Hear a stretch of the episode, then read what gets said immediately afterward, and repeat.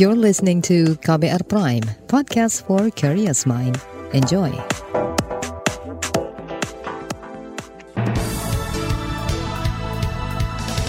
Selamat pagi saudara, senang sekali kami bisa menjumpai Anda melalui program Buletin Pagi edisi Jumat 23 Desember 2022. Bersama saya Naomi Liandra. Sejumlah informasi pilihan telah kami siapkan di antaranya Kapolri jamin pelaksanaan Natal aman dan damai. Jokowi tegaskan tidak ada intervensi terhadap KPU dalam proses pemilu. Kofifah akan kooperatif membantu KPK dalam kasus suap hibah Pemprov Jatim. Inilah buletin pagi selengkapnya. Terbaru di buletin pagi. Saudara, Kapolri Listio Sigit Prabowo menjamin pelaksanaan Natal dan Tahun Baru atau Nataru aman dari ancaman teror. Ini disampaikan Kapolri usai apel gelar pasukan operasi lilin 2022 di kawasan Monas, Jakarta kemarin. Dan tentunya ancaman-ancaman terkait dengan masalah ibadah dan potensi ancaman teror, kami sudah memerintahkan pada seluruh jajaran khususnya Densus untuk betul-betul mewaspadai dan mengambil langkah-langkah sehingga seluruh rangkaian baik pada saat pengamanan tempat ibadah dan kita memasuki tahun baru 2023 seluruh masyarakat betul-betul bisa aman dari ancaman-ancaman dan gangguan-gangguan yang tentunya sudah kita prediksi. Kapolri Listio Sigit Prabowo mengatakan pengamanan Nataru terbagi ke dalam pos pengamanan pos PAM, pos pelayanan posyen, dan pos terpadu. Untuk pengamanan di tempat ibadah, kata Kapolri akan melibatkan kalangan ormas dari Nadlatul Ulama NU, Muhammadiyah, dan ormas-ormas setempat. Kapolri mengatakan pelibatan ormas Islam dalam pengamanan Nataru merupakan bentuk toleransi. Saudara, antisipasi adanya teror jelang Natal juga tengah dipersiapkan Densus 88 anti teror. Pasukan khusus ini mulai memperkuat aktivitas pengamanan di berbagai titik pasca terjadinya bom bunuh diri di Polsek Astana Anyar, Bandung pada 7 Desember. Kepala Bagian Bantuan Operasi Kabagops Densus 88 Anti Teror Polri, Aswin Siregar mengatakan, pengawasan terhadap napi teroris, napiter atau mantan napiter dan keluarganya serta kelompok dan jaringan terus dilakukan. Eh, Densus terus monitor dan biasanya kita memonitor atau cara kita memonitor adalah dengan uh, melakukan uh, pemantauan eskalasi ancaman. Jadi jika tidak ada perubahan eskalasi ancaman bagi kita, maka proses monitoring itu akan berjalan seperti yang kita lakukan sehari-hari. Nah, di waktu-waktu tertentu seperti telah terjadinya peristiwa seperti ini kita akan tingkatkan monitoringnya, ya kita lakukan sebuah operasi seperti yang dihasilkan pasca bom ini. Aswin mengatakan tidak ada istilah kecolongan atau ketidakmampuan terkait peristiwa bom di Bandung. Sebab Densus juga terus melakukan pengintaian dan pengawasan terhadap jaringan radikal di tanah air. Bahkan sebagai langkah taktis, Densus 88 anti teror telah meringkus 26 tersangka teroris sepanjang Desember ini. Ke-26 tersangka itu ditangkap di lima daerah berbeda yakni Jawa Tengah, Jawa Barat, Sumatera Utara, Sumatera Barat, dan Riau. Berbagai upaya yang dilakukan kepolisian termasuk Densus 88 mendapat sorotan pengamat terorisme Ridwan Habib. Menurutnya potensi serangan teror masih ada terutama karena jejaring seperti Jamaah Ansarut Daulah, JAD, dan Pro-ISIS masih eksis. Kata dia walaupun Densus 88 sudah melakukan berbagai macam penangkapan di berbagai daerah, tapi sisa-sisa jejaring kelompok masih ada. Ia juga menyebut ada informasi yang mesti diwaspadai dari peneliti terorisme di Filipina, bahwa ada upaya meledakkan gereja di Filipina Selatan oleh kelompok-kelompok pro-ISIS yang mungkin berimbas ke negara lain. Dan kita tahu selama ini kelompok Filipina Selatan itu berhubungan baik dengan sel di Indonesia. Serangan bom Tamrin tahun 2016 itu dilakukan berkoordinasi dengan sel Filipina Selatan karena salah satu senjata api atau pistol dibeli dari Filipina Selatan. Artinya jika Filipina Selatan sel ISIS sana melakukan upaya serangan ke gereja, bukan tidak mungkin hal itu akan ditiru atau dilakukan oleh kelompok atau jejaringnya yang ada di Indonesia. Karena itu menurut saya keamanan masih harus jadi prioritas. Pengamat terorisme Ridwan Habib juga meminta penangkapan dan pengungkapan terhadap jaringan yang masih dalam pencarian atau DPO terus dilakukan. Kata dia, pemerintah juga harus melakukan pencegahan dini dengan mengajak masyarakat setempat, RT, dan RW agar waspada terhadap dinamika lingkungan masing-masing. Sementara itu, Sekretaris Eksekutif Konferensi Wali Gereja Indonesia KWI, Romo Paulus Christian Siswantoko, menyatakan seluruh gereja Katolik telah berkoordinasi dengan aparat dan Pemda di wilayahnya masing-masing jelang perayaan Natal 2022 kemarin ada kejadian bom Jawa Barat itu masih ya tentu ini juga menjadi peringatan kita semua umat Katolik maupun aparat untuk tidak panik tapi meningkatkan kewaspadaan secara bersama-sama. Maka komunikasi antara gereja dengan Polsek, dengan Polres, dengan ormas-ormas setempat kayak Banser, Pemuda Ansor, ini menjadi sangat penting gitu karena keamanan itu juga menjadi tanggung bersama begitu. Sekretaris Eksekutif KWI Romo Paulus Christian Siswantoko mengatakan perayaan Natal yang aman dan nyaman memerlukan kerjasama sebagai bentuk saling mengasihi. Selain KWI, Persekutuan Gereja-Gereja di Indonesia PGI juga meminta aparat keamanan bisa menjaga damainya malam Natal bagi umat Nasrani. Ketua Umum PGI Gomar Gultom bahkan meminta para jemaah membawa Alkitab saja ke dalam gereja tanpa membawa tas atau bungkusan lain untuk mempermudah pemeriksaan. Saudara informasi selengkapnya sesaat lagi tetaplah di Buletin Pagi KBR. You're listening to KBR Pride, podcast for curious mind. Enjoy!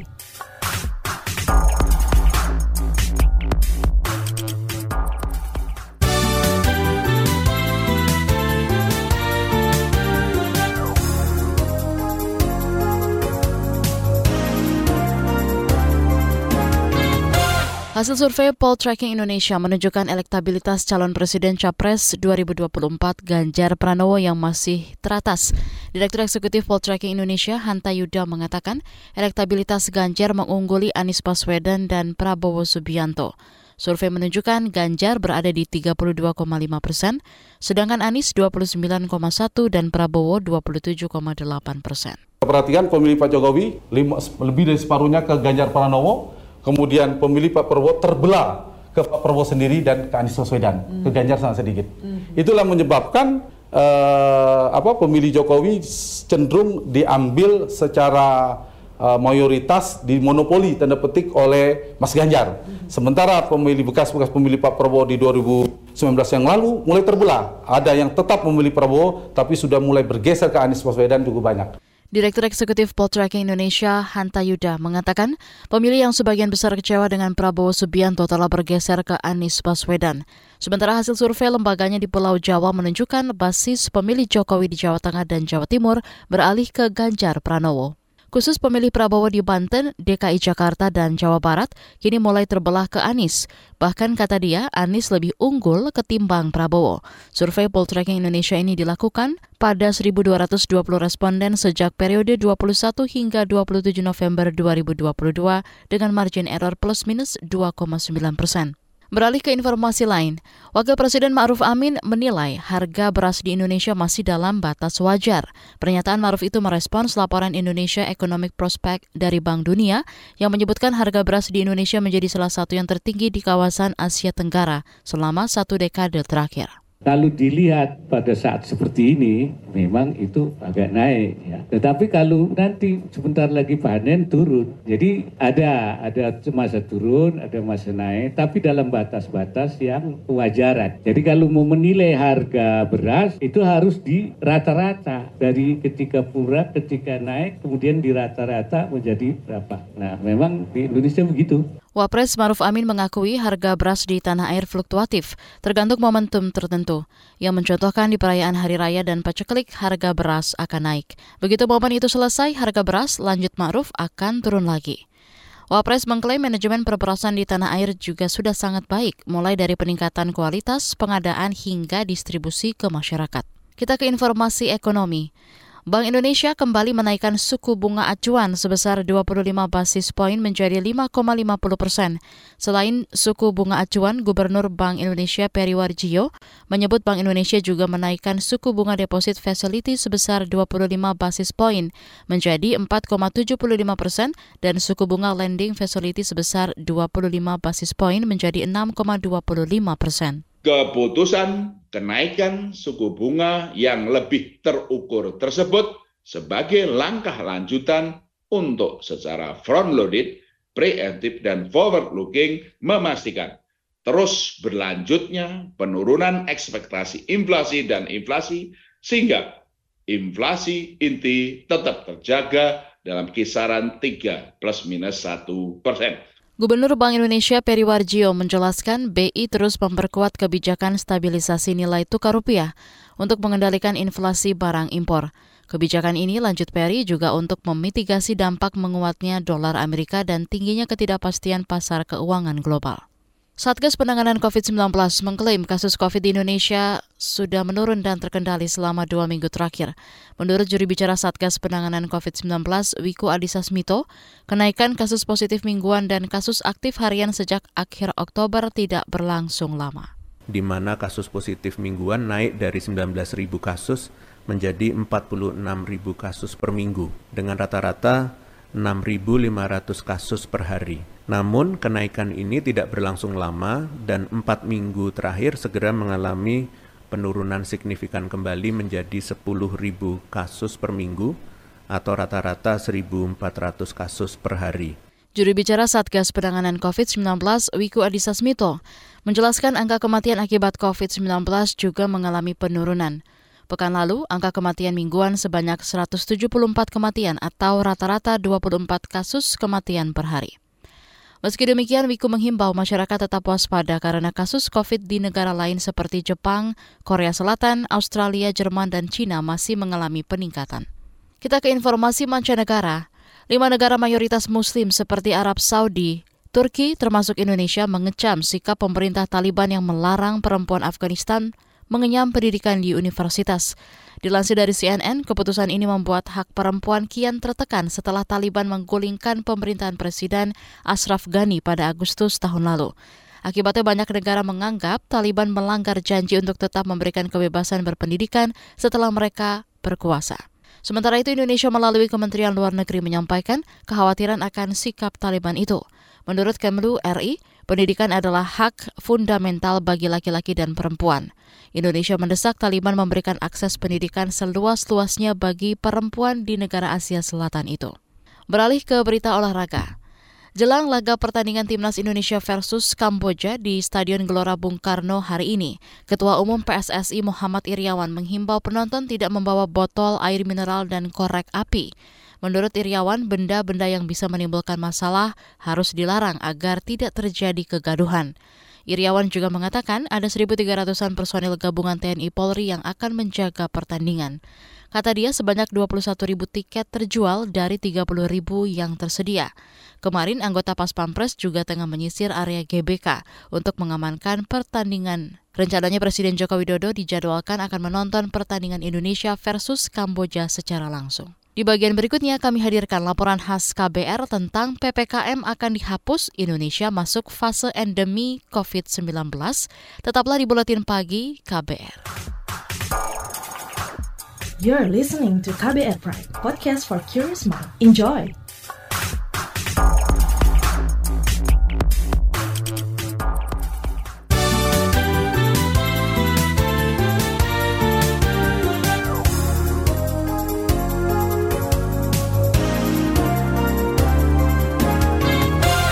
Pemerintah berencana menghapus aturan pemberlakuan pembatasan kegiatan masyarakat atau PPKM pada tahun depan. Alasannya kasus COVID-19 di Indonesia sudah terkendali, bahkan disebut telah menuju fase endemi. Namun rencana ini mendapat beberapa catatan. Berikut laporan khas KBR disusun Astri Yuwanasari.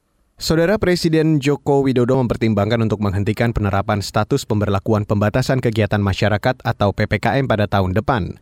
Jokowi mengatakan PPKM kemungkinan akan dihentikan mengingat kasus COVID-19 di Indonesia semakin landai. Kemarin kasus harian kita berada di angka 1.200 dan mungkin nanti akhir tahun kita akan menyatakan berhenti PSBB PPKM kita perjalanan seperti itu harus kita ingat betapa sangat sulitnya. Jokowi mengklaim pandemi COVID-19 di Indonesia dapat dikelola dengan baik sehingga masa krisis saat lonjakan akibat varian Delta dan Omikron kasus dapat tertangani.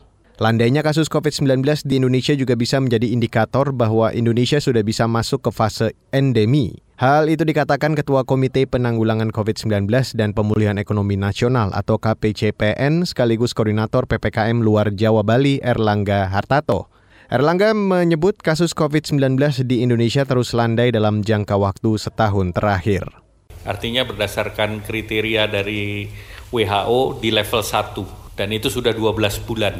Artinya secara negara sebetulnya kita sudah masuk eh, pandeminya sudah berubah menjadi endemi dan ini sudah level 1 dan terakhir kan kita semua di bawah 2000 orang. Erlangga mengatakan saat ini pemerintah masih menyiapkan seluruh persiapan menuju fase endemi COVID-19.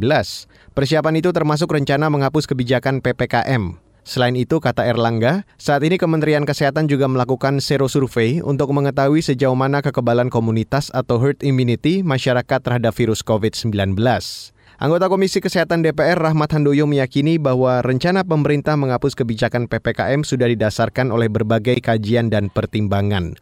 Meski begitu, ia memberikan sejumlah catatan untuk pemerintah dan masyarakat agar tetap berhati-hati dan tidak menyepelekan COVID-19 pada akhirnya nanti akan cabut, bukan berarti bahwa PPKM dicabut atau dihentikan itu bukan berarti kita bebas gitu. Tetap kita melakukan satu aktivitas dengan penuh tanggung jawab. Artinya penuh tanggung jawab ya kita tidak, perlu berlebihan, apalagi menganggap COVID sudah tidak ada, bahwa COVID sudah tidak mematikan itu salah. Ya saya kira eh, dual tapi saya kira ya tetap protokol kesehatan dan kepada masyarakat yang belum divaksin booster saya kira ya kita harus sampaikan agar memperkuat tubuhnya Rahmat Handoyo menyebut kemungkinan virus bermutasi menjadi varian-varian baru sehingga vaksinasi booster yang saat ini bahkan belum mencapai 50 persen bisa segera dikejar. Ia juga mendorong percepatan vaksinasi booster untuk kelompok rentan seperti lansia yang saat ini cakupannya masih sangat rendah. Selain itu, ia mendorong masyarakat tetap menjaga perilaku hidup sehat dengan memperlakukan protokol kesehatan. Hal ini diperlukan sebagai bentuk pencegahan terhadap virus COVID-19 maupun virus lainnya. Catatan juga datang dari ahli epidemiologi dari Universitas Griffith Australia, Diki Budiman. Diki meminta pemerintah menunda rencana menghentikan kebijakan pemberlakuan pembatasan kegiatan masyarakat atau PPKM. Menurutnya, pemerintah masih harus melakukan kajian mendalam sebelum menghapus PPKM, setidaknya sampai setelah momen libur akhir tahun. Diki mengatakan saat ini status COVID-19 di Indonesia memang terkendali, namun penerapan testing, tracing, dan treatment atau 3T yang dijalankan oleh pemerintah masih terbilang lemah. Kalaupun PPKM ini misalnya mau dicabut, saya kira ya tunggulah setelah Nataru. Nanti kita akan lihat juga jangan lupakan ketika ini dicabut pastikan bahwa vaksinasi primer khususnya pada anak juga sudah meningkat ini yang masih BPR. Kemudian juga vaksinasi booster, eh, jangan di bawah 50 persen, harusnya setidaknya 50 persen lah ya. Dan itu bukan hanya di lansia, tapi juga termasuk pekerja kesehatan ya, atau komorbid yang masuk dalam kategori risiko gitu. Diki juga menyarankan pemerintah menyiapkan modal proteksi dan modal imunitas yang baik di masyarakat sebelum memutuskan menghapus PPKM. Hal ini menurutnya bisa dicapai melalui peningkatan vaksinasi booster yang saat ini masih sekitar 29 persen. Jika modal proteksi vaksinasi ini tidak dicapai, maka akan mengakibatkan pengabaian-pengabaian di dalam masyarakat. Selain itu, pemerintah juga harus hati-hati dalam menyatakan status endemi. Diki menyebut Organisasi Kesehatan Dunia WHO hingga saat ini belum menyatakan bahwa status pandemi COVID-19 sudah berubah menjadi status endemi. WHO sendiri belum ada para pejabat atau pakar WHO mengatakan bahwa ini status endemi ya. Enggak, belum ada yang karena memang secara kriteria ya memang belum terpenuhi ya. Jadi uh, endemi itu secara perdefinisi epidemiologi adalah bahwa satu penyakit menjadi endemi atau dalam status endemi ketika keberadaan penyakit itu menjadi stabil gitu. ada di satu wilayah tertentu. Demikian laporan khas KBR yang disusun Astri Yuwanasari, saya Reski Mesanto. Informasi dari berbagai daerah akan hadir usai jeda. Tetaplah bersama Buletin Pagi KBR. You're listening to KBR Pride, podcast for curious mind. Enjoy!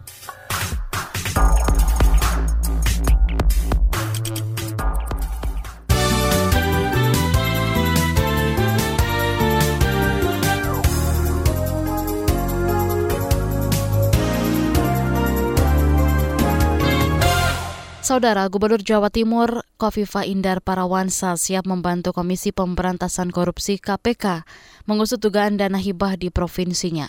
Kasus itu diduga melibatkan Wakil Ketua DPRD Jatim Sahat Tua Simanjuntak. Pernyataan ini disampaikan Kofifa di kantor Mapolda Jawa Timur kemarin. Saya, Pak Wagu, Pak Sekda, dan jajaran Pemprov Jawa Timur semuanya menghormati proses yang sedang berjalan dan kami semua jajaran Pemprov Jawa Timur siap untuk membantu mendukung data jika dibutuhkan oleh Gubernur Jawa Timur Hovifah Indar Parawansa mengatakan penyidik KPK membawa beberapa berkas saat penggeledahan di kantor gubernur kemarin. Namun Hovifah memastikan tidak ada dokumen yang dibawa dari ruangan gubernur dan Wagub Jatim. Dalam kasus ini, KPK telah menetapkan empat orang sebagai tersangka.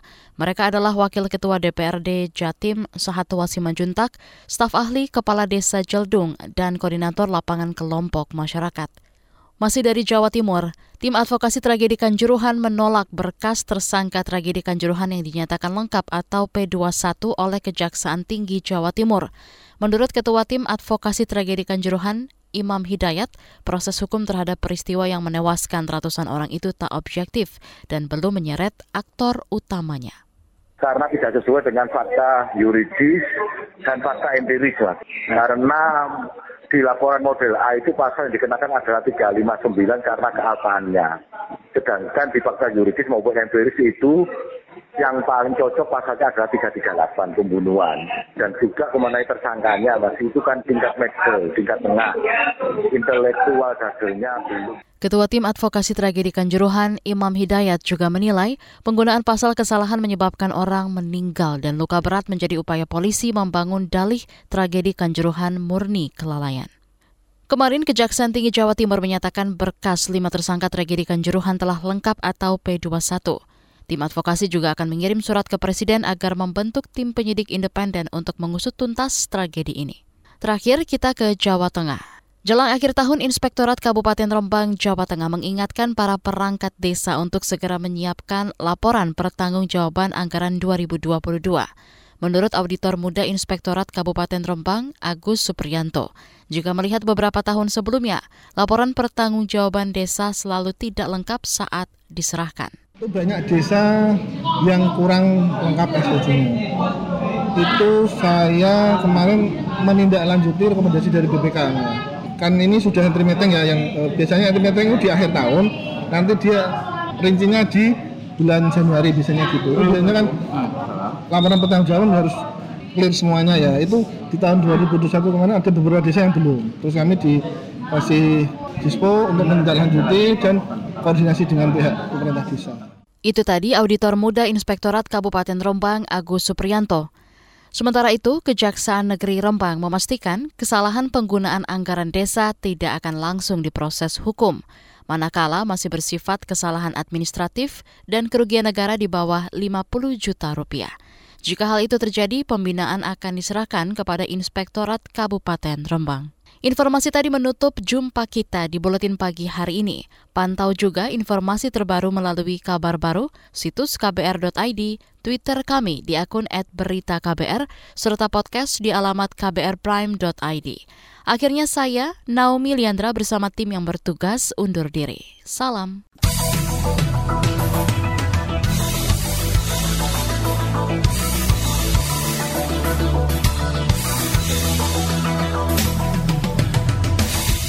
KBR Prime, cara asik mendengar berita. KBR Prime, podcast for curious mind.